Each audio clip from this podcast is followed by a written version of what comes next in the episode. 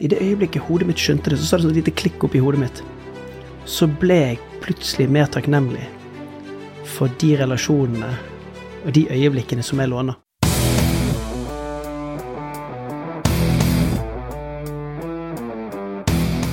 Hjertelig velkommen til 10 minutt med Tim Rudi og Marius.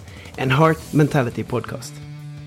Dette er podkasten hvor du på ti minutter får inspirasjon, motivasjon, kunnskap og ikke minst gode råd på hvordan du kan ta action mot det som betyr noe for deg i din hverdag.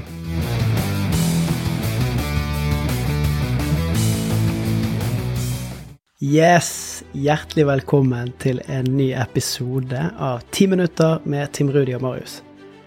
Og denne episoden her så har jeg Marius aner ikke hva vi skal snakke om. Denne episoden vil jeg kalle for Random Talk. En litt tilfeldig prat der jeg har tenkt at vi skal sette av ti minutter til å snakke om en ting som jeg har reflektert over i det siste, og så skal Marius få lov til å bare bli med meg og reflektere rundt det. Og det, det her er et ganske dyptgående tema. Eh, for det har seg sånn at uh, livet skjer. Mennesker kommer inn i livet ditt, noen mennesker går ut og går bort.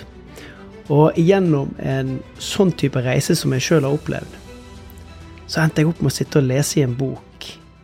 Og i den boken så står det én side, eller på den ene siden, så står det følgende. Mennesker i den vestlige verden er så opptatt av å eie. Vi er så opptatt av at vi eier bilen vår, vi er så opptatt av at vi eier huset vårt, vi eier tingene våre. Vi eier relasjonene våre, vi eier barna våre, vi eier ektefellene våre. Men så er jo sannheten at vi bare låner de. For den bilen som jeg har stående i, min, eh, i carporten min, den har jeg bare en liten stund, og så selger jeg den videre. Og det er ikke sikkert at jeg skal bo i det huset her i all evig tid. Og egentlig så er det banken som eier mesteparten av det. Og det faktumet er at med barna mine så låner jeg bare tiden med dem frem til de blir voksen, og så er det på deres premisser. Så det jeg kunne tenkt meg å ha hørt uh, dine tanker om, Marius, det er hvordan, vil, hvordan, er det for deg hvis du ser på forskjellen mellom å tenke at du eier relasjonen til de rundt deg, kontra at du låner tiden med dem? Mm. Jeg syns det er kjempespennende, fordi at uh, det jeg merker når man bruker de ordene, er at det skjer et skift. Fordi at når du sier eie, så kjenner jeg at det handler veldig mye om å liksom holde fast. Og jeg føler at jeg tenker sånn, hvis man eier, så er det noe jeg har til evig tid. Og, og, det å faktisk låne, det er jo litt sånn at ja, men nå har jeg det en liten periode. Så bare valg av ord, det kjenner jeg at det skjer ting inni kroppen min når jeg sier jeg låner dette versus jeg eier dette. Og det å faktisk holde fast i noe, og det å la gå ting som du har i livet ditt, altså det er jo kanskje også minst like spennende, da, å faktisk reflektere over det det gjorde for meg, var at i det øyeblikket hodet mitt skjønte det Og det er kanskje det som er litt av, av ønsket mitt her, å dele det med deg og med de som hører på, er at i det øyeblikket hodet mitt skjønte det, så sa det sånn et lite klikk opp i hodet mitt. Så ble jeg plutselig mer takknemlig for de relasjonene og de øyeblikkene som jeg låner. Så I det øyeblikket jeg møtte barna mine etter å ha skjønt det, så er jeg 100 sikker på at jeg på innsiden følte det annerledes, fordi at jeg hadde skjønt at dette er et øyeblikk jeg kan ikke ta for gitt. Og det der syns jeg er så uh, fint, det fikk meg faktisk til å tenke på uh, Det var en, uh, en, dame som jeg vokste opp med på barne-TV. Jeg tror hun het Vera Michaelsen eller noe. Men hun, hun døde ganske tidlig pga. at hun hadde kreft. Og hun skrev et innlegg, for hun skrev mye for Aftenposten Junior, tror jeg det var. Hun hadde skrevet for de i mange år. Og så skrev hun et innlegg, da, siste innlegg, fordi hun visste at hun, at hun eh, snart skulle gå bort. Og så skrev hun det at eh, hun var veldig takknemlig, fordi at veldig mange får jo ikke den anerkjennelsen, eller alle de fine orda, eller den, de gode følelsene, da, når hun fortsatt er i live. Så, så, hun kjente på den dype takknemligheten for det, for mange går gjennom livet sitt, og så plutselig eksempel mister man noen, eller ja, man har kanskje noe man tenker at man eier, og så blir det borte, og så står mm. du igjen, og så tenker du 'oi, shit, hva nå?' Og så kanskje du trodde at det skulle vare evig. Men det å faktisk tenke at 'wow, livet varer ikke evig'. Vi skal jo faktisk dø. Mm. Altså, det er jo kanskje noe av det som er aller mest sikkert i, i, hele verden. Det er at vi en dag så kommer vi til å dø. Men så sier også Ole Brumm at alle de andre dagene så skal vi jo ikke det. Men det er det som å fylle livet sitt med det som faktisk er bra for oss, da. Og jeg tror at det er bra for oss å se på ting rundt oss, se på livet vårt, som det er noe vi låner. Det er, noe, det er nå vi er her, og det er nå vi skal gjøre de tinga som vi trenger å gjøre. Det er nå vi skal elske de menneskene som vi skal elske. Det er nå vi skal ta de valga som vi for alltid kommer til å være de valga som vi lever med at vi har tatt. Mm. Så, så, jeg kjenner at jeg får et større perspektiv, og jeg føler at jeg blir, setter mer pris på de tinga jeg låner, enn de tinga som jeg bare eier, eller kanskje er lett å ta for gitt. Og så er det blitt en sånn om jeg kaller det for en hipp greie, da. Men det er mange mennesker som forsøker å selge unna eiendelene sine. Og jeg lurer på om de har skjønt at når vi eier mye, så blir livet vårt òg bundet opp i det. For i det øyeblikket vi eier noe, så blir vi redd for å miste det. Kontra det å tenke på det at, at det her har jeg i en liten stund, og så skal jeg levere det videre. Og da vil jeg kanskje verdsette det mer.